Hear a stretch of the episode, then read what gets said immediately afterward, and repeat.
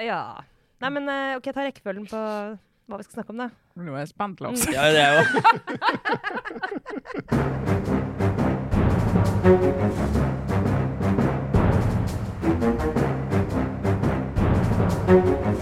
Så fint. Da er det Aftenpodden igjen. Det er torsdag. Vi sitter her alle fire. Jeg heter Lars Glomnes, og med vår faste gjest, nyhetsredaktør i NTV, Sara Sørheim. Velkommen til deg. Tusen takk. Så fint gi sånne store introduksjoner når du kommer sånn- innom fra den viktige jobben din. Det er litt sånn som å komme ut på dansegulvet på Skal vi danse. Fikk jeg følelsen av nå. Ja. Som jeg aldri har sett på for øvrig, men jeg tror at de får sånn introduksjon der, gjør de ikke det? Eh, Det, eh, jeg har vært og sett det live, så dette burde jeg vite. Det får i høyeste grad eh, introduksjon. Ja. Dette er jo på mange måter den politiske debattens dansegulv tatt over fra Arendalsuka. er det ikke det vi liker å kalle det? Det er den drømmen vi bærer på, i hvert fall. Ja, Demokratiets dansegulv. Ja. nettopp. Nå, når, alle, når alle dansegulv måtte stenges ned, så holder vi vårt åpent. Trine Eilertsen, god morgen. Hallo, det er skikkelig slag i dag, Lars. God morgen. Ja, for det her er en sånn fin uke. Det er ikke så veldig mange sånn kjempestore saker som en må snakke om fordi det er det viktigste i absolutt hele verden. Men det er veldig veldig mange små eh, som er gøyale. Eh, Kjetil Asheim, takk for at du også er her. Jo, det er en glede. Ja. Jeg trodde et øyeblikk at du skulle glemme å introdusere Kjetil. Jeg. ja, nei, nei, nei. Jeg har, eh, jeg har til og med denne uka så har jeg vært og holdt podkastkurs, så jeg føler meg veldig kompetent. Jeg har brukt to dager på å bygge opp en slags eh, Jeg skal ikke kalle det en bløff, men en, et, et, eh, En narrativ om, eh, om min innsikt i dette formatet. Du flyter videre på det et par dager til. Ja. Du har lært sikkert noe selv underveis, som vi ofte gjør når vi skal fortelle hva vi, hva vi jobber med. Så tenker vi å ja, ja det, det var lurt. Sånn, de beste kursene jeg har vært på, er de jeg har holdt selv. Vi kommer så tett på så nært. Ja. Nei, eh, vi må vel eh, vi må snakke litt om uh, Bertheussen-saken. Vi, Vi må, må snakke litt om eh, Nasjonal transportplan. Eh, vi må snakke litt om eh, Venstres drømmestiftelse, organisasjon, eller hva det er for noe. Født Fri, som nå har møtt veggen. Og så blir det vel kanskje litt korona også, men det er så mange ting at vi kan ikke tenne opp et helt klar timeplan, fordi vi må se hva vi, hva vi kommer oss innom. Vi må vel starte med rettssaken om truslene mot Tor Mikkel Wara og Ingvild Smines Tybring-Gjedde og Christian Tybring-Gjedde. For der, Vi var ikke innom forrige uke, men, men uka før, og det, det slutter ikke å overraske. for å si det sånn. Vi snakka sist at Ways of Seeing kanskje hadde måtte, truffet bedre enn det de egentlig visste med dette nettverket av, eh, av eh, høyresidepolitikere og tenketanker og alle mulige som sitter og, og diskuterer Norge og, og trekker i tråder. Og, og de hadde kanskje rett i at det et, ble et sånt nettverk, men eh, det er ikke så veldig solid.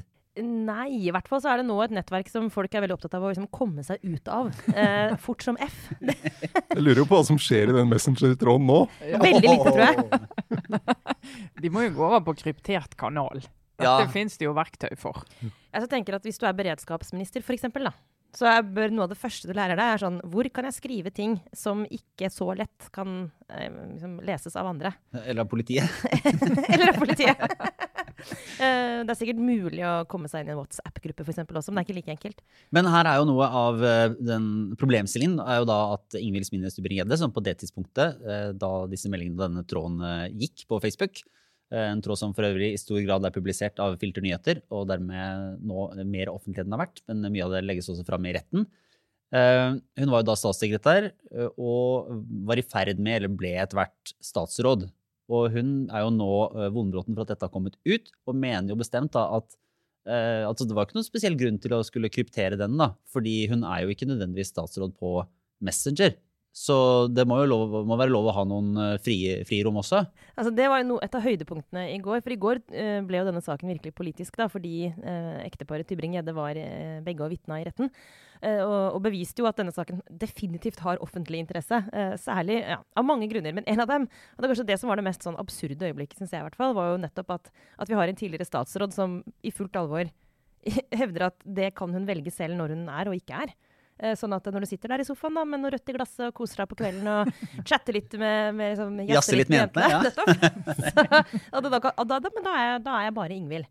Og jeg skjønner det behovet, det er ikke det, altså. Mener, det, sånn, det kan jeg forstå på et menneskelig plan. Men det, altså, nei. Du, du er også statsråd da. Det er jo en del som har sånn i Twitter-profilen sin, tvitrer som privatperson. Ja. sånn, ja, særlig. Men eh, Stortinget har jo et sånn register for politikernes uh, verv og økonomiske interesser. Kanskje de også burde lage et register for hvor statsråder ikke er statsråder, sånn at det, det er uh, åpenhet. Og Hvor er det de Det var mye moro på Twitter i går. da, altså hvor er det, Dere kan jo svare dere òg. Hvis dere var statsråd og skulle få ett sted, et sånt fristed, liksom. Akkurat her er jeg ikke statsråd. Lars? Nei, nei, nei nei det jeg, skulle, jeg skulle egentlig foreslå for Trine. jeg. Ja, du skulle foreslå hva da? Kok. Nei, jeg skal si at det er jo, for Som sjefredaktør så er du jo på en måte også stort sett alltid sjefredaktør. Mm. Stort sett. Ja. Jeg vil, for- jeg vil foreslå at uh, Trines sted som frirom var Alpene. Ja, ja, ja. ja. ja nei, men det er et frirom, det altså. Ja. Har i hvert fall vært. Nei, det, altså, det jo, men, det, men det er jo noen roller, så du kan liksom ønske deg at du har et frirom. Men det, det merker jeg. Jeg har jo eh, sånn venner i byråkratiet og venner i litt forskjellige roller, og ikke nødvendigvis så høyt oppe i byråkratiet, men selv når du er dette er folk du har kjent i 30 år, så er det en del samtaler vi ikke har. Og det skjønner begge. At det er samtaler vi ikke kan ha, eller temaer de ikke kan gå inn i pga. rolle. Ja. Så det handler rett og slett om rolleforståelse. Siden jeg har valgt å gjøre det i livet mitt, så er det ting jeg ikke kan, kan gjøre eller dele. Det var også interessant i går når det ble litt eh, tydeligere også hva som var bakgrunnen for denne mye omtalte Messenger-gruppa, hvor bl.a. Smine Tybring-Gjedde er, og eh, Rita Karlsen i HRS, eh, og et par Frp-politikere, og eh, selvfølgelig da tiltalte eh, Bertheussen. Eh, og eh, li, eh, Nå må dere hjelpe meg. Eks, det her, altså, Line Miriam Haugen, tidligere Line Miriam Sandberg. for dette er faktisk forviklinger. Altså, helt, selv jeg syns det er vanskelig å holde liksom, orden på alle disse trådene. Men eh, det som kom frem i går, var at denne eh, gruppa ble oppretta egentlig så, eh, i etterkant av eh, at eh, Per Sandberg og hans da, da nye kjæreste Bahare Letnes var i Iran, og dere husker hele den saken der, fordi at hans ekskone trengte et sted å ventilere. Og det var så fascinerende. Sånn, ja, men, og det er jo også en veldig sånn fin eh, begrunnelse for at eh, venninnene må samles. Og så ble da ifølge Smines Tybring-Gjedde også Bertheussen invitert inn der etter hvert, når hun også hadde det tøft og vanskelig og trengte et sted å være. Og alt det er fint og flott, men det er bare du, det, det går ikke. Du kan ikke innta den rollen. Det, og, det, ja, og det kom jo veldig tydelig frem i går. Og da, bare for å runde av den, da reagerer jo da ekteparet Tybring-Gjedde med det som da er det vanlige å gjøre når du har gjort noe dumt, og det er jo å angripe pressen. Så det er, liksom, det er sånn OK, greit, da er vi der igjen. Uh, og det må de gjerne gjøre, men det unntar jo ikke henne for ansvar. Nei, ikke sant? Men, men hvis man ser på, på det som har kommet fram av deres dialog, så er det jo påpekt at eh, Smines Tybring-Gjedde eh, viser dårlig rolleforståelse i at hun trekker inn at justisministeren, altså Vara, burde kunne gjøre noe med dette, snakke med statsadvokaten. De snakker på en Mm. måte om litt sånn ulike eh, intervensjoner. Eh, var det? det er synd at kirke og stat ikke henger sammen lenger, så hun kunne få tuppa ut en ordfører, jeg si, altså, Biskopen. biskopen i, Kari i Oslo, som har, har blanda seg i dette på Facebook. Og at det på en måte er en sånn uryddighet i roller og, og tanker. Men er det, hva skal jeg si, er det sånn i seg selv veldig problematisk, det som kommer fram der? Eller er det mer sånn eh, dette er en tankegang som ikke må få kunne slå rot og et symbol på en dårlig rolleforståelse? Og det er altså Hvor alvorlig er, er den enkelte uttalelse eller selve denne chatten? da? Det er ikke så mange der, det, skal, det, det er også viktig å få frem. Altså, det, er ikke, det er ikke ting som skrives i den chatten der som er eh, sånn, i seg selv nødvendigvis liksom, i nærheten av å være et lovbrudd. Eller, altså, vi snakker ikke den alvorlighetsgraden. Men det er den totale summen og det med dårlig rolleforståelse som, som er det som er mest kritikkverdig.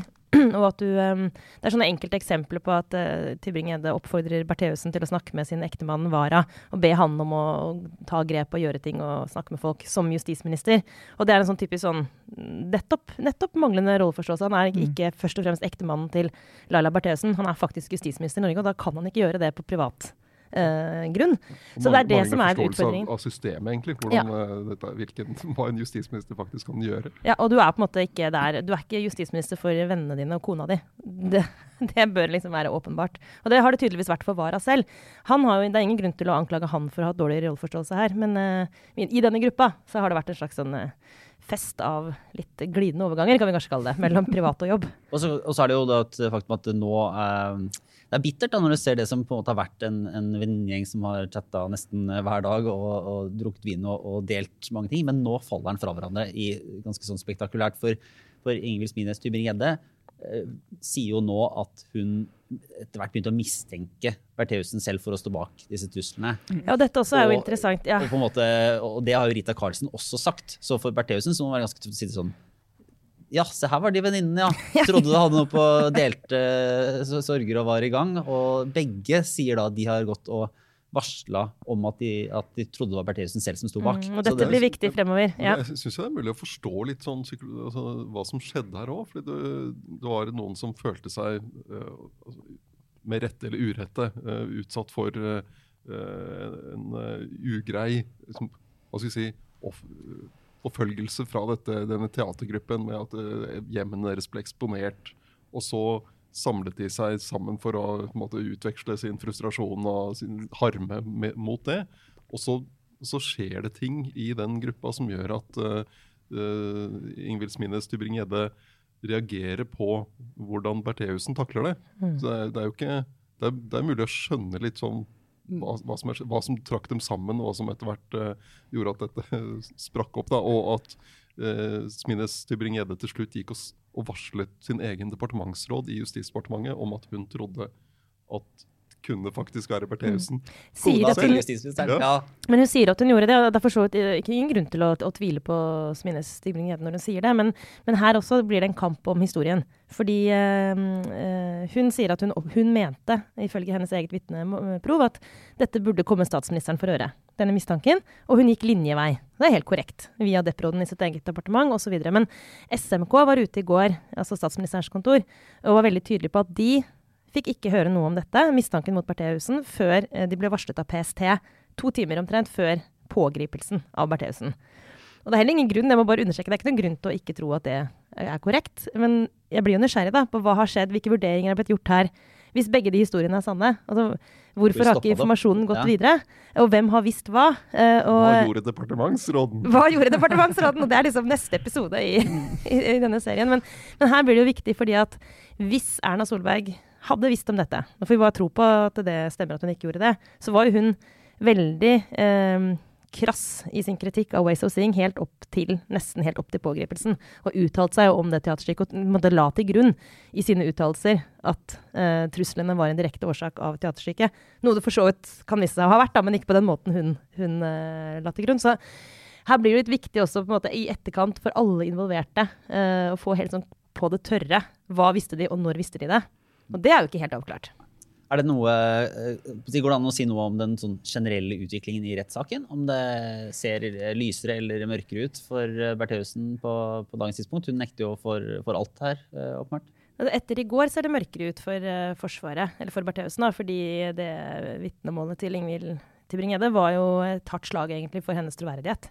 Sånn at uh, det kan bli litt krevende for hennes advokat Elden, altså Bertheussens forsvarsadvokat, å skulle uh, klare nå å overbevise dommerne om at Tybring-Gjeddes mistanke var helt feil.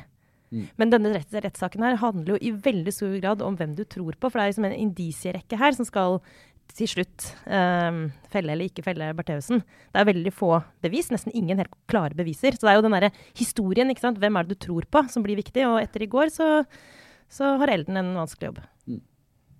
Eh, Utafor eh, departementene så sitter det, sitter, sitter det, folk. I hvert fall denne uka så har det, har det vært, eh, vært, oppstandelse i Oslo fordi demonstrantene fra Extinction Rebellion har, har stått på og, og, skapt uro og furore i trafikken. Og det var vel ei som satte seg utafor Olje- og energidepartementet Ja. gjør som demonstranter gjør, ta seg på overkroppen og helle olje over seg. Bare, men bare demonstranter av ett det ene kjønnet, av en eller annen grunn. Ja, så er det bare damer som skal være toppløse for ja. å demonstrere. Hvorfor er det sånn? Ja, Det skulle jeg likt å visst. Det fins vel kanskje en viss forklaring. Det kan jo bildene blir litt uh, mer interessante når det er en dame enn når det er en mann. Men jeg tenkte vi må, vi må, eh, bare snakke litt om Extinction Rebellion. For de har jo både det var jo Sist eh, nå, hvis jeg husker rett, så var det jo i, i London så har de hatt flere større aksjoner. De har vel holdt på litt i, i Norge før, men, men ikke så, så, dramatisk. Men de jo, jo, det var innsett jeg nevner men apropos overkropp. Det var, jo, var det ikke de som fikk Sofie Elise oppi en fontene i Arendal, da? Kanskje jeg lurer på det. I, så, I fjor sommer må det ha vært det. Jo da, jo da, det kommer frem her. Eh, et, jeg husker jo ikke Det var sikkert en Gud vet hva slags sak det var for eller mot, men eh, ganske sikker på at det, det var en aksjon. Hvor, ja. Eh, mm, var, jeg skal ikke gå lenger enn å si at det var eh, en kvinne da oppi en fontene. Og det, så skjer det jo ting oppi en fontene. Ja. Som, det blir gode bilder, på en måte. Så, ja. men, men, nei, de har ikke vært så veldig tydelige ellers i, i, i, norsk offentlighet. De har hatt noen limt seg fast litt utenfor Norges Bank og sånn. Det, det, er jo større i, US, eh, altså i Storbritannia. Med, de har hatt store aksjoner i London. Stengt ned, altså blokkert broer og sånt. Og så har de hatt noen noen uh, litt sånn PR-katastrofer. Uh, blant annet ved at de limte seg fast på undergrunnen, på sånn undergrunn, altså i tuben i, i London, på, på taket av uh, noen altså Sånn at du aksjonerer mot folk som reiser kollektivt. Den, den kom ikke helt heldig ut. Så hadde de nå, For ikke så lenge siden så aksjonerte de mot uh, avistrykkerier. Fordi, for å protestere mot at avisen ikke gjør mer ut av klimakrisen. Men som, det å angripe pressefrihet, det er også kommer Heller ikke som vinnersak, nei. Nei, ikke det ikke det. Men de hadde vel også et leserinnlegg her for et eh, år eller tos eh, tid siden som ble i hvert fall anklaga for å lefle med en litt sånn uh, miljøfascisme. Uh, altså, eller antidemokratiske krefter, var det kanskje. Altså, at, at regjeringer og, og politikere ikke klarer å løse de oppgavene vi står overfor, og dermed sånn antyda at man må ha, ha sterkere krefter til. da. Det fikk de litt sånn. Og, men nå var det i hvert fall i, i gang. Men det, hva er det som er egentlig formålet deres? Det er å si eh, vi må ha endring. Ja, det, er, det er jo at det er klimakrise, og nå gjøres det altfor lite, og det må gjøres mye mer. Det, så det ligger jo et veldig sånn eh, sterkt engasjement og, og sånn, sånn som jeg opplever det, en frustrasjon over at, eh, at, at det skjer for lite med, på klimafeltet. Og så er forskjellen fra de måte, et, mer etablerte miljøorganisasjonene, også de som bruker sivil ulydighet, sånn som Natur og Ungdom, der jeg har en bakgrunn, er jo at uh, Bellona, Natur og Ungdom og sånn, når de bruker sivil ulydighet, så er det som regel inn mot et konkret mål, altså en Mm. konkret sak. De, plukker, de tar ikke liksom Nå skal vi løse hele klimakrisen ved å lime oss fast et eller annet sted. Da er det eh, mot en, en konkret leteboring eller for, å stande, for å verne Lofoten, Vesterålen, Senja. Så de forholder seg på en annen måte til, til politiske prosesser. Så prøver du å si at, eh, i-. Er det et forsvar for din ungdomstid her, Kjetil? Du drev ikke og limte deg fast på random ting ute i der? Du må vite hva ha liksom et mål med limingen. Altså, liming er relativt nytt. Jeg har ikke hørt om det før Extinction Rebellion kom Men opp. lenking er jo klassiker. Lenking er en klassiker. Jeg, jeg må bare innrømme at jeg har aldri lenket meg fast. Jeg var mer sånn som, som sto, bakmann som organiserte folk som ser. Men, Jeg sto ved telefaksen, som vi hadde da sendt ut pressemeldinger og sånn, mens noen andre klatret opp i juletreet på Trafalgar Square i London. men altså, du har vært arrestert. investert. Ja, men det var, det var i en annen sammenheng. Jeg ble arrestert en gang mistenkt for å, for å skulle dele ut egg som skulle kastes på Carl I. Hagen. Og det var, det var helt feil. Jeg hadde bare et kamera oppi den bagen. Men da, da måtte jeg sitte på glattcelle noen timer. Jeg var uskyldig. Men det, men det, som er, det som er litt interessant, da, akkurat det du sier, Kjetil, er hvordan bruker du sivil ulydighet? Hvordan bruker du aksjoner? Eh, og nå, Hvis du drar en parallell til USA og ser litt på den uh, høyesterettsdiskusjonen i USA når, eh, når hun Ruth Bader Ginsburg døde, så står jo eh, republikanerne klare med en haug med kandidater som de kan sette inn der, og de kan få gjort det ganske raskt. Og da, altså, eh, En del av de eh, aktivistene eller organisasjonene som knytter seg til republikanerne, de er så utrolig flinke til å jobbe gjennom de kjente kanalene. De liksom utvikler ideer, de utvikler lovforslag som representantene tar med seg foreslår å få gjennomslag for. De jobber så utrolig systematisk innenfor systemet og får gjennomført utrolig mye. Mens en del av de- demokratene de har jo fått kritikk for at det blir litt sånn mye lime seg fast eh, til ting og stå og hyle og skrike. og liksom Du får en del av opinionen mot deg. Pluss at du får ikke gjort noe. Og så får Du bevissthet rundt en sak i det øyeblikket. Så får du en god del som blir irritert på deg, og så får du en del som tenker ja, og hva nå, da? Og det- er jo litt det med Extinction Rebellion og det innlegget som var her så på en måte i Aftenposten, så hvor de på en måte går inn og sånn Denne saken er så viktig at vi, vi må oppheve vanlige prosesser omtrent. sant? Fordi at vi må liksom løfte Og da, da får du et forhold til den opinionen du er avhengig av for å få gjennomslag, som er veldig dårlig. Og det er Altså, du må jobbe innenfor systemene hovedsakelig. Så kan du ha noen markeringer, selvfølgelig, for å få oppmerksomhet. Men å bare jobbe der ute og sette seg i gaten og ikke forstå systemet, det er bare sånn Lykke til med det. Jeg møter, men jeg møter meg sjøl så utrolig i døra. For jeg, du har selvfølgelig helt rett. Og det er bare utrolig irriterende. Jeg sykla til jobben denne morgenen i Oslo hvor de hadde den aksjonen. Og var selvfølgelig sent ute og hørte på noe greier på øret. Og var ikke absolutt så til stede i trafikkbildet som jeg burde være. Det sier jeg bare med en gang. Men uh, skal jeg sånn skrå over foran Stortinget der, og så plutselig bare Nei! Hva er det her for noe surr? Sant? Så er det bare en sånn stor rosa elefant eller et eller annet sånt. Og Det høres ut som delirium, Sara. ja, jeg bare, hva skjer nå? Og eh, veldig mange veldig sånn gjøglete-aktige folk som holder på. Og så bare sånn Å ja, det er jo en aksjon. Og så må jeg liksom av sykkelen og gå rundt, og der blir jeg jo sånn voksen, dødsirritert uh, kjerring. Som er sånn gå, Har dere ikke en jobb dere skal gå på? Liksom, gå på skolen, og slutt med det her. Uh, men så kan jeg jo, og da tenker jeg også som du, Trine, sånn, dette her er helt fullstendig meningsløst. Uh, om noen blir folk bare sure på dere. Men selvfølgelig så husker jeg jo Sara 17 år. Sant? Jeg ville jo Ja, ja, ja. hata meg selv for det Ja. jeg sier nå. For det hele poenget er at alt føltes så dramatisk. Og det var så forferdelig bare å sitte og se på voksne folk som brukte lang tid på ting. At den derre intense trangen til å bare liksom sprenge nettopp systemet og gå ut i gaten og se gjøglete ut og gå barbeint rundt i Oslo sentrum. Ja, men og det har jo kanskje en verdi eh, innimellom at en redaktør må gå av sykkelen sin og så følge med på noe som eh, folk bryr seg om. At, det, at det strengt tatt ikke er en sånn Det er ikke nødvendigvis en trussel mot demokratiet at noen eh, eh, Nei, det er det kan jeg kalle det en trussel mot, en trussel mot pressefriheten? Ja. Kan jeg dra det så langt? Nei, det er ikke en trussel mot demokratiet, men jeg tenker hvis du er veldig engasjert, så på et tidspunkt må du spørre deg hva er det som virker? Nå, hvor får jeg gjennomslag? Og hvis du bare sitter ute med rosa elefant på gaten, så blir det, det blir en one-off, altså. Det blir ikke mye gjennomslag. Jeg si, jeg, jeg har utrolig sansen for den liminga. Det syns jeg er veldig veldig bra. Det er, det er å, å ta det bra videre. Og så liker jeg den, den, eh, den tross at politiet var sånn Nei, de, gjør ing, de er helt uh, fine. De oppfører seg veldig De gjør seg veldig tunge. uh, som også er en bra, bra Jo, måte det å er det demonstrere på. man lærer på kurs i sivil ulydighet. er Hvordan gjør du deg så tung som mulig. Det er, Og du, her har jeg en liten anekdote, faktisk. For det er en kjenner. Han, var, han har vært næringslivsleder i mange år nå, men før så var han eh, politimann. Og han var oppe i Alta, på Alta-aksjonen. Eh, og da fortalte han eh, hvordan disse politifolkene de klippet lenker og løftet demonstranter på dagtid. Og så på kveldstid så hadde jo alle fri. Så da møttes de jo politifolk og demonstranter. Da var de i baren, veldig kjekking, var det en sånn ordning. Og så dagen etter var det ut igjen nye lenker.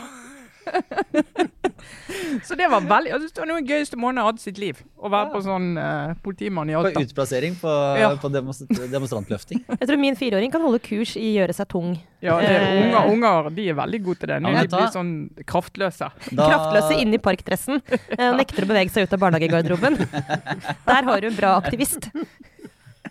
Da, da vi skal jeg foreslå det for kursavdelingen i Aftenposten. Og så dropper vi neste podkastkurs, og så setter vi en sivil ulydighetsvariant. Jeg kan tilby Aksel fire år til å komme og holde det kurset. Ja. ja, men det høres eh, bra ut. Uh, Skal, skal vi se, skal vi videre nå til den eh, rare saken der Venstre Altså, den, når du sier etterlyste unnskyld at jeg avbryter, men Ja. når du sier nå sånn 'den rare saken', så er det sånn Det kan være ti saker. ja, ja, og det fortsatte når jeg sa og der Venstre, det er fortsatt det er åtte, da. Men eh, Venstre har forresten landsmøte i helgen, men det er vel ingenting å snakke om. Ja, det, kanskje de blir for EU. Ja, det blir de vel, herregud. Hvis ikke de gjør det, vet du hva. Da må de bare Da må de faktisk bare legge Da, ned. da har vi kvittert ut den. Ja, det var det. Ja. Nei, men for det de ville ha her for, eh, for en år siden, var jo da en, eh, en organisasjon, eller en stiftelse, Ja. som skulle ta for seg æresrelatert uh, vold og press. Ja. Og eh, sa noen må komme og lage den, de skal få penger. Uh, Shaban Rehman uh, svarte på dette her, kom inn, ble henta av Abid Raja.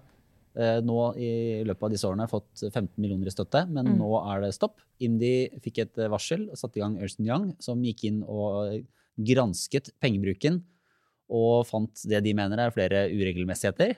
Det stemmer, Lars. Godt oppsummert. Reman og Født nekter for alt dette og mener at uh, granskinga har vært veldig urettferdig og, og, og feil, feilaktig og Ja, og de får nå, I dag ser jeg i Vårt Land støtte av han Peter Gottschalk ved Universitetet i Oslo, som sier at den granskingen til Ernst Young har tatt seg friheter, som han sier, og liksom, liksom sier kan ha brukt midler på sånn og sånn måte, og ikke er konkret nok, da. Men det de anklages for, er Det er at, ja, Mhm. nei, altså det er at de uh, offentlige midlene som har gått uh, til Født Fri, uh, ifølge denne granskingsrapporten, som er en veldig interessant lesning, det er en lang og veldig detaljert rapport, men det de mener å kunne vise i den rapporten, er at en del av pengene har blitt brukt til det som ser ut som private formål. Og som jeg sier ser ut som, for det, det er middager som er kjøpt inn på en indisk restaurant. og det er jo da, som har vært skrevet mye om, det er reiser til London og opphold på spahotell og litt sånne ting. Eh, som jo ser ut som om man i hvert fall har brukt mye tid på, på, på, på å hygge seg, men, men som Shabana Rehman hevder at har blitt brukt til faktisk arbeid, bl.a. med med manusarbeid til Stovnerrevyen, faktisk, som eh, Født Fri var med på. Sånn at det, eh, det er ord mot ord. Men eh, det er klart at det, det er jo om ikke annet, da, i hvert fall brakt på det rene at uh, om det så var uh, ikke privat, disse reisene, så er det, det er veldig dårlig dokumentert. Mm. Så det er uansett veldig slett arbeid i forhold til å uh, vise helt nøyaktig hva du skal bruke pengene på. Og sånn oppsummert, det det ser litt ut som når jeg som sitter og setter på dette her, er at um, det minner meg egentlig veldig om sånn man bruker penger i et enkeltmannsforetak. Mm. Hvis, hvis, du er, hvis, du har det, så er det sånn at du kan du, du, leverer inn regninger. Du kan levere en regning inn på en middag du har spist, og så får du skatt, skattefradrag fordi du kan si at ja, men det var relevant for jobben min. Og dette er jo f.eks. i kulturlivet. Alle forfattere og kunstnere og alle vet jo at her går det jo an å lure systemet lite grann. Uh, men det er også regnskapsførere som passer veldig veldig nøye på at uh, du skal kunne gjøre rede for Når du, når du liksom setter denne middagen her opp som jobb, så skal du kunne gjøre rede for at du har faktisk jobba eller snakket med noen som har med jobben din å gjøre. Men dette handler om hvordan du bruker enkeltmannsforetak når du skal levere ligningen din. Men det er det det minner meg om. Uh, fordi det det ser ut som, hvert fall, er at Shabana Rehman har brukt de offentlige pengene litt sånn på ting som kanskje har vært relevant for jobben men, men, men kanskje ikke òg. Og da er du over et landskap som er helt sånn Det kan du ikke gjøre, for dette her er en direkte statsstøtte over statsbudsjettet som skal gå til arbeid mot uh, bl.a. da æres, altså rundt æreskultur og den typen uh, ekstremt viktig arbeid i bl.a. innvandrermiljøer. Så mm. ja. Men, det er jo ikke så kort oppsummering, ja. men her tror jeg er kjernen i problemet ligger. da. Uryddig pengebruk er vel overskriften. Ja, og det er, jo, det er jo en del av disse organisasjonene som driver hjelpeløst amatørmessig. sant? De er jo ikke noe gode til det. Og så kan du, Hvor mye skal du forvente og alt det. Men altså Andreas Slettholm i, uh, i en herværende dagsavis har skrevet veldig godt om dette denne uken. En såkalt uken. kvalitetsavis? En Rett og slett en kvalitetsavis som jeg håper alle abonnerer på. Uh, men han, han, tar jo tak i dette med denne tilskuddskulturen. Ja. Og, og, veldig mange, Du har en del ordninger som fungerer sånn at politikerne sier at nå ønsker vi å styrke dette området. Vi bevilger 20 millioner kroner eller 5 millioner kroner. og håper at noen vil gå inn og jobbe med dette. Og så er det da opp til departement og fagfolk og direktorat eventuelt å liksom få inn søknader og vurdere hvem er det som kvalifiserer til å få disse pengene. Og Du har en rekkefølge på det, da, og du har en begrunnelse og du har kriterier.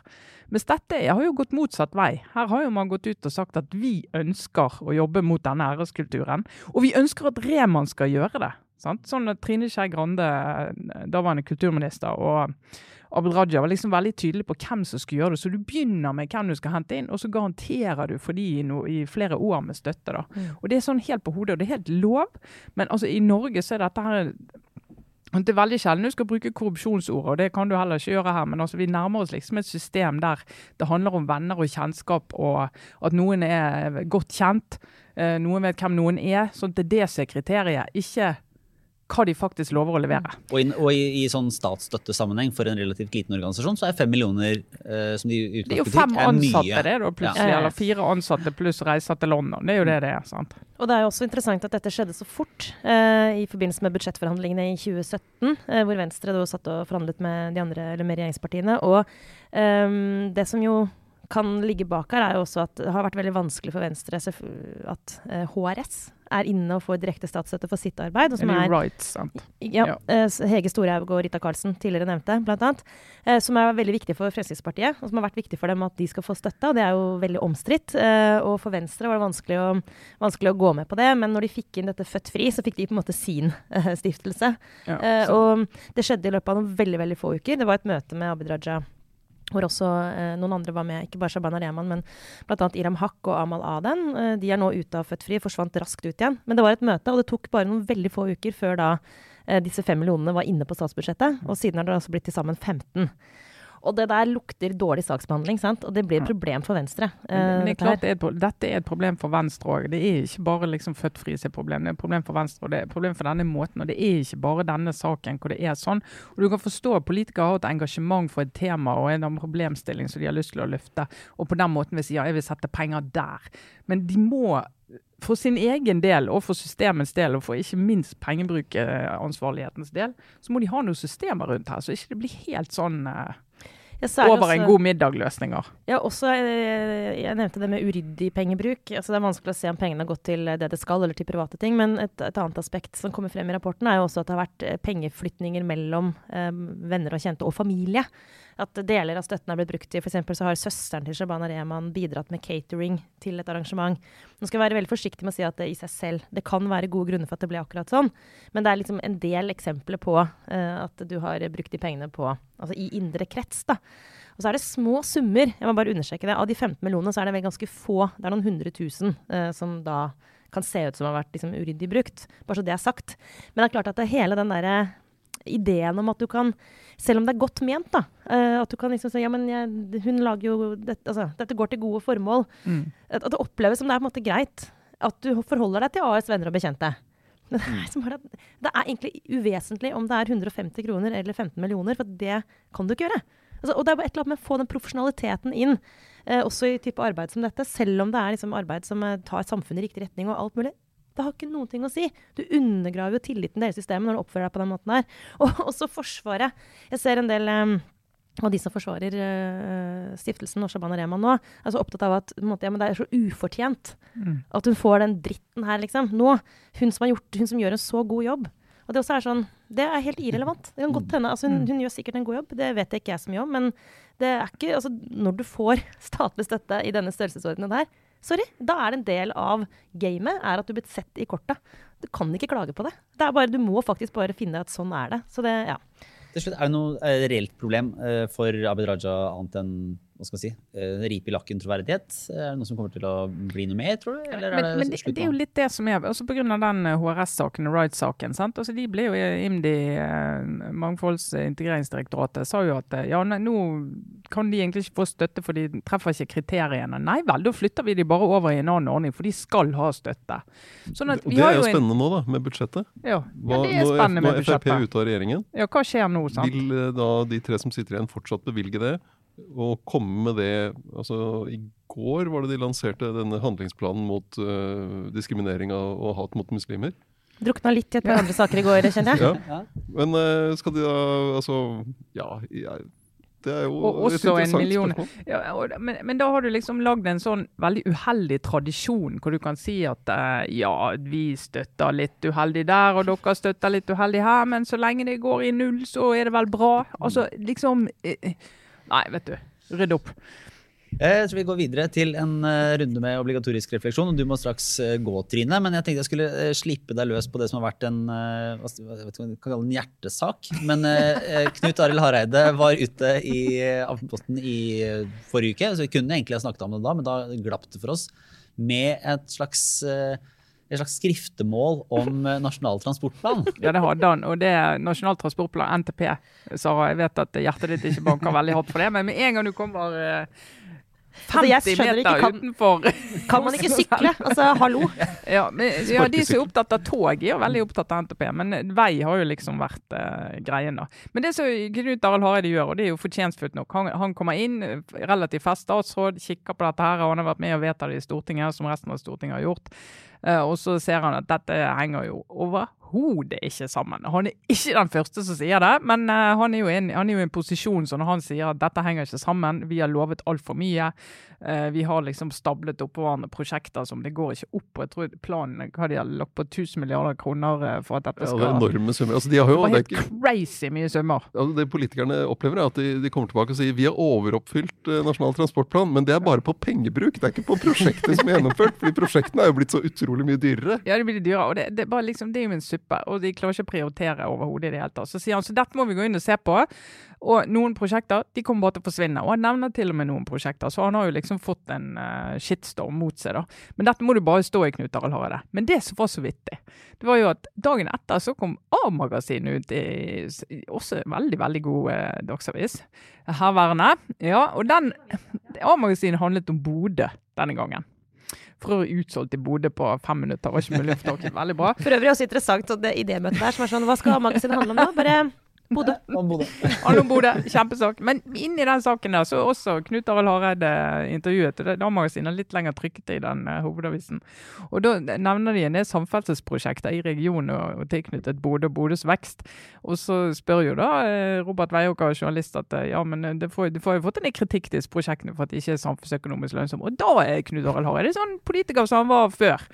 Nei, altså samfunnsøkonomisk lønnsomt, det er, jo, det er jo ikke alt du kan måle på den måten. Og vi mener dette er viktige prosjekter. Og det er jo akkurat det, det norske politikere har gjort, som har gjort at vi har en NTP som er på størrelse med liksom statsbudsjettet i Kina og sånt.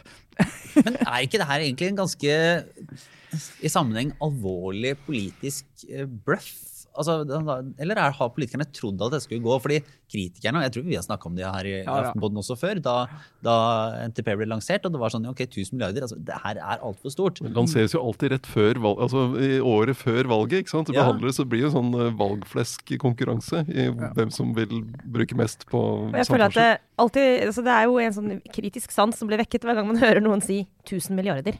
Altså, om det er barnehagebarnet mitt som er sånn 'mamma, kan jeg få 1000 milliarder?' Eller det er Det er per definisjon et fantasitall som ikke fins. Men, men det er jo en god illustrasjon på altså en del av dynamikken i Vi har snakket litt før denne generasjonen av norske politikere. Eh, hvor det er altså Når regjeringen legger frem sitt forslag til NTP, så er det ikke sånn at du har en opposisjon som sier nei, dette er for mye, det går ikke. Nei, de legger heller på. Sant? Og Sånn er det liksom med alle den, sånn type forslag. Så du får ingen reell diskusjon. Du får sånn, nei, Istedenfor vei bør vi satse på tog, men vi bør satse på omtrent like mye. Altså, det er en helt uh, ellevilt forhold til pengebruk på lang sikt. Eh, Nei, men eh, Uten eh, Trine videre, som måtte løpe i et eller annet viktig møte, så fortsetter vi. Sara, har du en obligatorisk refleksjon inn i helgen? Eh, faktisk. Eh, en refleksjon som jeg altså rett og slett, jeg, jeg ønsker at andre skal reflektere eh, over eh, rett og slett eh, hele den koronasituasjonen i. og jeg har ikke tenkt å dra gjennom dette i langdrag, men jeg syns det er interessant nå. Vi som bor i Oslo, har jo fått noen nye retningslinjer å forholde oss til. Akkurat som de som i, bor i Bergen hadde eh, for et par uker siden, og som folk over hele landet har opplevd, eller kommer til å oppleve. Sant? At du får sånne lokale smitteblomstringer, og så må man, man gjøre ting. Eh, og der er det jo hele poenget, jeg må bare starte med å si det, er jo at dette er en dugnad, og vi må være med på det alle sammen. Så jeg, er ikke uenig i det. det skulle bare mangle. Så det er jo det som har vært vår suksess, eh, kanskje, eh, i og med at Norge har klart å holde dette viruset relativt nede, er jo nettopp det. Men det er jo en sånn interessant diskusjon hvor på en måte går grensen for Altså hvor langt kan du strekke folks eh, vilje og til og med evne til å bli med på den dugnaden? Når er det riktig å på en måte appellere til at nå må vi alle ta et ansvar, og når er det du skal på en måte la det få For I borettslag også så er det bare et par ganger i året. Det er ikke hver måned. Nei, altså dugnad hver måned går ikke. Nei. Eh, og da har det, har det nå, i forbindelse med de tiltakene i Oslo, kommet et par uh, ytringer, uh, faktisk senest nå i dag, torsdag, når vi spiller inn, så ser jeg Anine Kierulf, uh, jurist, menneskerettighetsekspert, der ute i VG nå, og stiller noen gode spørsmål rundt hva som er begrunnelsen for de tiltakene som har kommet til Oslo nå, og helt konkret Nå er det jo sånn at vi ikke får lov til å være mer enn ti stykker samla i private hjem. Og det hun spør om er liksom, hva, hvordan hjemler man et sånt uh, Du kan vise til smittevernlovgivningen osv., men, men du må egentlig kunne begrunne det. En ting er nå de juridiske spissfindighetene bak det, men også sånn politisk. Du må egentlig kunne ha en svært god begrunnelse for den typen inngripen i folks privatliv. Da. Um, og så kan vi si ja, smittetallene i Oslo er kjempehøye, og alle bydeler er røde. Ja, det er riktig. Men ser du på antall innlagte, eh, ser du på presset mot helsevesenet, så er det ingen grunn til å trykke på alarmknappen ennå. Eh, Det er ikke sånn at det, er eh, en, en truende krise i helsevesenet, sånn som det faktisk helt reelt var i mars-april. Hvor antall innlagte var såpass høyt at du var i ferd med å sprenge grensene for intensivplasser f.eks. Det, det er virkelig en enorm krise. Så, og, men ja, dere skjønner hvor jeg vil. Altså, det, jeg synes bare det er en interessant diskusjon. Og så har jeg ikke lyst til å fremstå som en som er som sånn imot dugnaden. Men du, du vil ikke oppfordre alle til å så, eh, Vær elleve stykker i huset ditt uh, og, og sende bilde til Nei. Raymond Johansen. ikke sant? Ha illegale fester og Nei, Ja. jeg mener jo ikke det, men jeg bare syns de spørsmålene Anine Kierulf og også Nils August Andresen i, i, i Minerva er inne på noe av det samme i en lang, lang selvfølgelig, for er han her skriver alltid langt, men en god kommentar som også er ute nå. Eh, jeg bare syns det er gode spørsmål å stille. Mm. Jeg syns kanskje ikke at eh, svarene foreløpig er liksom, helt der de bør være. Hva tenker dere? Men det er. Det er litt sånn uttrykk for at uh, kommunen har litt De overveldes av, av altså tester og det å følge opp, drive smittesporing. at det er det, det systemet settes veldig under press. Oslo kommune var jo på bak, var liksom bakpå etter sommerferien. Da plutselig kom det utbrudd, og de folk ringte ned denne telefonen i kommunen som eh, nesten ikke var bemannet og sånn. Så det, de sliter med å håndtere den, den situasjonen. Og så er spørsmålet ja, men er dette et effektivt tiltak da? Så, jeg tenker den eh, den diskusjonen har du jo også for så vidt om den nasjonale bestemmelsen om at du ikke får skjenke alkohol etter midnatt.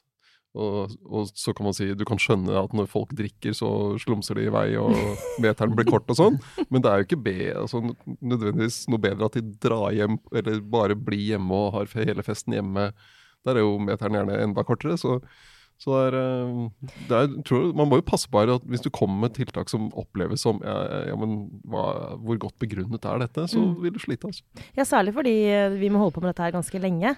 Og så er det også sånn at jeg har jo ikke noe problem med å forstå at den smittesporingen som foregår nå, f.eks. Oslo kommune, er helt vilt ressurskrevende. Mm. For som kjent så har vi ikke noe smitteapp. Det gikk jo helt fullstendig galt. Ja. Så vi har jo da gamlemåten. Og det sitter jo folk og ringer. Er sikkert, jeg har ikke det nøyaktige tallet, men det må være enorme Altså det må være veldig mange mennesker involvert. Fordi det gjøres jo en kjempejobb der. Altså de, nesten, altså, de, altså et stort flertall av de som er koronasmitta i Oslo, er jo fra kjent opphav. ikke sant? De vet hvor, Mm. hvorfor de ble smitta. Det er superviktig for å holde kontroll på dette her. Og eh, det koster sikkert det hvite ut av øyet. Eh, Gud hjelpe meg hvor dyrt det må være å ha disse her apparatet i sving. Alt det forstår jeg, og at kommunen derfor ønsker at det skal være færrest mulig smitta å spore. Men det er likevel noe annet. Altså, at det koster penger, ja, jeg ser utfordringen, men det er altså ikke liksom liv og helse. Eh, trussel vi snakker om. Jeg, det er mulig det er min bare indre rebell som gjør at jeg kjenner på der, det der, hvor mange mennesker jeg har inne i stua. Akkurat det, til, akkurat det der til siste skrittet der.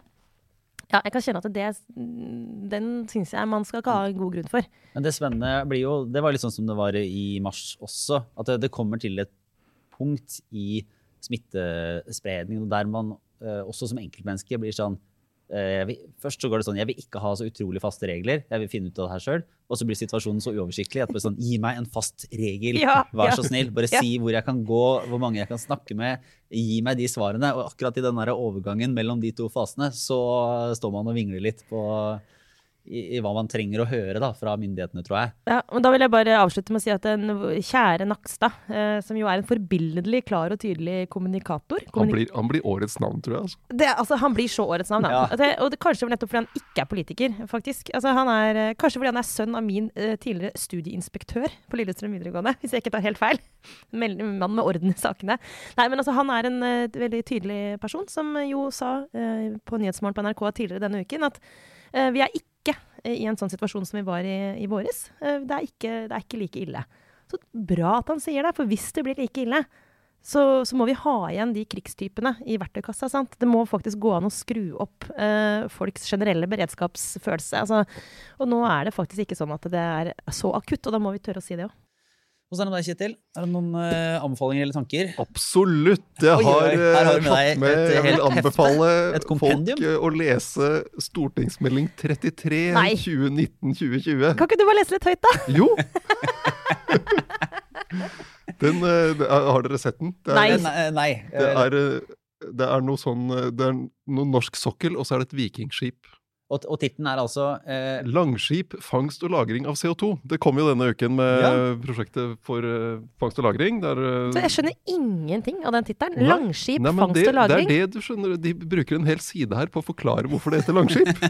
og det er den som er verdt å lese. av Resten kan Ja. man jo gjøre som man vil med. Men det, uh, de, de, de har valgt da å kalle Dette er jo vikingenes langskip, ikke sant? Og det var, det var teknologisk det var det ypperste, dette er- på nynorsk, ypperste av, eh, av innovasjon og skipsbyggerteknologi i si tid. Langskipa var slanke, sjødyktige og raske fartøy, og de var svært godt egna til krig og plyndringstokt. og det passer jo veldig godt her, for noe av det regjeringen går inn for, er at uh, dette Fortum, altså avfallsanlegget på Klemetsrud, de får jo ikke alle pengene fra staten, de må også dra på et lite plyndringstokt til Brussel ja. for å få penger fra EUs innovasjonsfond. Så det, det, de tar ikke eh, liksom billedbruken helt ut her, men, eh, men det ligger jo under, da, kan du si. Så E- EUs innovasjonsfond, er det nye liksom, Irland? Eller hvor man dro for å de, plyndre? de skulle dra og hente noen Ja. milliarder. Sjølv om våre forfedre nok ofte skapte frykt der dei færast, så er Langskipa blitt eit kjent symbol internasjonalt på vikingtida og vært assosiert med Noreg. Eh, og det skal da, man skal da, er da inspirert av Langskipene. Lik de som bygde Langskipa, har vi òg et mål om å ta teknologien ut i verda, men bare på fredelig vis. det, det er jo veldig koselig, tenker jeg. Og så er det, er det Vikingene sine langskip kunne nytte eh, seil, men ofte måtte en òg ro skipa. I begge høve måtte mannskapet jobbe sammen. Og det skal de også gjøre nå, skjønner du. Det er så fantastisk. Ja, Sammen med næringslivet skal de jobbe sammen om å få, få til dette. Og da, da, da kommer de også til en, en parallell her. Ehm, nemlig at de som gikk om bord i et langskip og sette ut på havet i mellomalderen, seila nok ofte inn i det ukjente. Med skipinga av vårt eget langskip så går vi også inn i mye som er ukjent. Vi veit ikke sikkert hva for pris det vil være på utslipp av CO2 de neste tiåra. Og det var jo noe vikingene slapp å tenke på. Altså når de satte fyr på et kloster, så brydde jo ikke de seg om karbonfotavtrykket på, på den plyndringen. Så det er blitt mye vanskeligere. Altså, dette mener jeg er et godt eksempel på. Noen ganger så finner man en metafor. Eh, og så er det faktisk noe vi i pressen kan, som heter 'kill your darlings'. Men så var det da på pressekonferansen, så var Tina Bru, og olje- og energiminister, var jo snakket om dette. Og da sa hun vi har vært opptatt av å bygge stein på stein. Oi. Altså, hvis du skal bygge Jeg kan ikke mye om båter. Jeg er rimelig sikker på at, eh, på at det ikke var lagd av uh... Det langskipet, jeg tror Ja. ikke det var altså Hvis de bygger dette skipet av stein, så blir det det, det blir heller ikke denne gang en månelanding, Ja. som var det! så, vi skal nå til månen med et vikingskip bygd av stein, så dette tror jeg kommer til å gå kjempefint. Eh, ok, men du, altså, for jeg, Nå må jeg bare innrømme at jeg er litt problemer med, altså, med metaforjungelen liksom, fra diverse regjeringer. Altså, er denne, dette langs, forbanna langskipet som vi skal seile ned til Brussel nå for å skaffe oss noen innovasjonskroner, noe såkorn kanskje, til og med? er det er det det samme som eh, Stoltenberg-regjeringen skulle få til med månelandingen? Ja, Er det vi fortsatt dette er, der? I stedet for å kalle det Apollo 2, så kaller vi det langskip. Men det er jo et eller annet utrolig sånn eh, fortellende om den norske både politiske eh, mentaliteten og hva som har skjedd de siste åra, tenker jeg, med at man tar det hjem fra, fra Stoltenberg-regjeringens altså tidlig 2000-tall. sånn, ambisjoner om å, å være liksom større ute i verden og holde på der og se ut og bli generalsekretær i, i Nato. Og, og liksom et, den der til den uh, vi, vi tenker på hele Norge. altså Den nasjonalromantiske. altså Nå, nå er bildebruken vår er nå Vik- vikinger ja. og erkenorsk, og vi skal tillate oss å plyndre litt. Uh, Men det er også, jeg må si På fredelig vis. på fredelig vis. Ja, men det er jo et bold move, da, i liksom kulturkrigens uh, år. Uh, liksom, når vi slåss som et helvete for benk, å Om vi kan kalle opp en benk, ja. ja. etter liksom Linné, så er det sånn OK. Men, ja, men det ja, høres jo litt ut altså det, Hvis du har sett NRK-serien Vikingene, ja. det, det er jo der de tar inn sånn uh, management-retorikk. det er jo litt sånn her, da. Uh, langskip må bli en kostnadseffektiv løsning. Det er som en rep replikk i Vikingene, egentlig. Men kanskje de folka i departementet som skrev dette, tror at Vikingarna, eller hva det heter for noe, altså den serien, er dokumentar. Ja, kanskje det. Og at de drev med New Public Management og kursing og medarbeidersamtaler i vikingtiden. Men sånn, nei, de dro og rana og voldtok folk, liksom. Så det er litt sånn Litt vanskelig. eh, hvis noen begynner å plukke litt grann på Eller teambuilding, som det heter nå. Jeg ville jeg ville kanskje, jeg ville kanskje valgt meg noe annet å liksom, bruke som en sånn der, eh, oppskrift på liksom, 'slik skal vi leve', eh, enn akkurat vikingene. Men altså, dem om det. Ja, kjør på! Ah, jeg, får se. Jeg skal egentlig bare runde av med en, eh, en, en fin liten ting som jeg hørte fordi jeg da var på, på podkastkurs i går. Jeg, jeg tror ikke jeg eh, utleverer for mye når jeg sier at en av deltakerne var faktisk nærmere 90 år gammel. Oi! Ja. Og, eh, og var Da kan vi holde på lenge, da. Ja. Og kom med prosjektet. Hans egne var en utrolig vital og hyggelig, hyggelig mann. Så hans egne besteforeldre Han hadde på en måte, han hadde så utrolig lite igjen fra si, sine gamle slektninger. Altså en historie om hvem de hadde vært og var. Så nå skulle han lage en podkast om sitt eh, eh, mangeslungne liv og dets eh, kapitler. Fantastisk. Som jeg tenkte var sånn Å, for et hyggelig prosjekt. Og for et fint format. Så jeg vet ikke om jeg kan anbefale at alle skal sette seg ned og fortelle sine uh, viktige livshistorier. Men, uh, men det var en sånn flott tanke. Problemet er at de kommer, kommer ikke til å ha, de kommer ikke til å ha noen måte å spille av den podkasten på. Det kommer til å være som sånn Heter det alle disse her disk, mini-disk jockey, eller floppy disk-problematikk?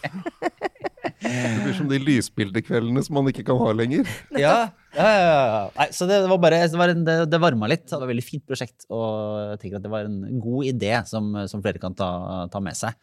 Eh, og så vil jeg egentlig bare si på slutten at eh, det nevnte jeg jo i tirsdagsutgaven, uh, USA-utgaven, at den USA-aftenpodden kommer nå fra tirsdag av i Aftenpostens egen app, Aftenposten-appen, og spilles av der. når du åpner den appen på, på IOS, kan du bare trykke på lytt nederst der, og så får man alle Aftenpostens podkaster, men også da for abonnenter den nye Aftenpodden USA-utgaven. Du kan også gå til aftenpodden.no. Eh, og så får man de siste utgavene av den der. Det kommer på tirsdag.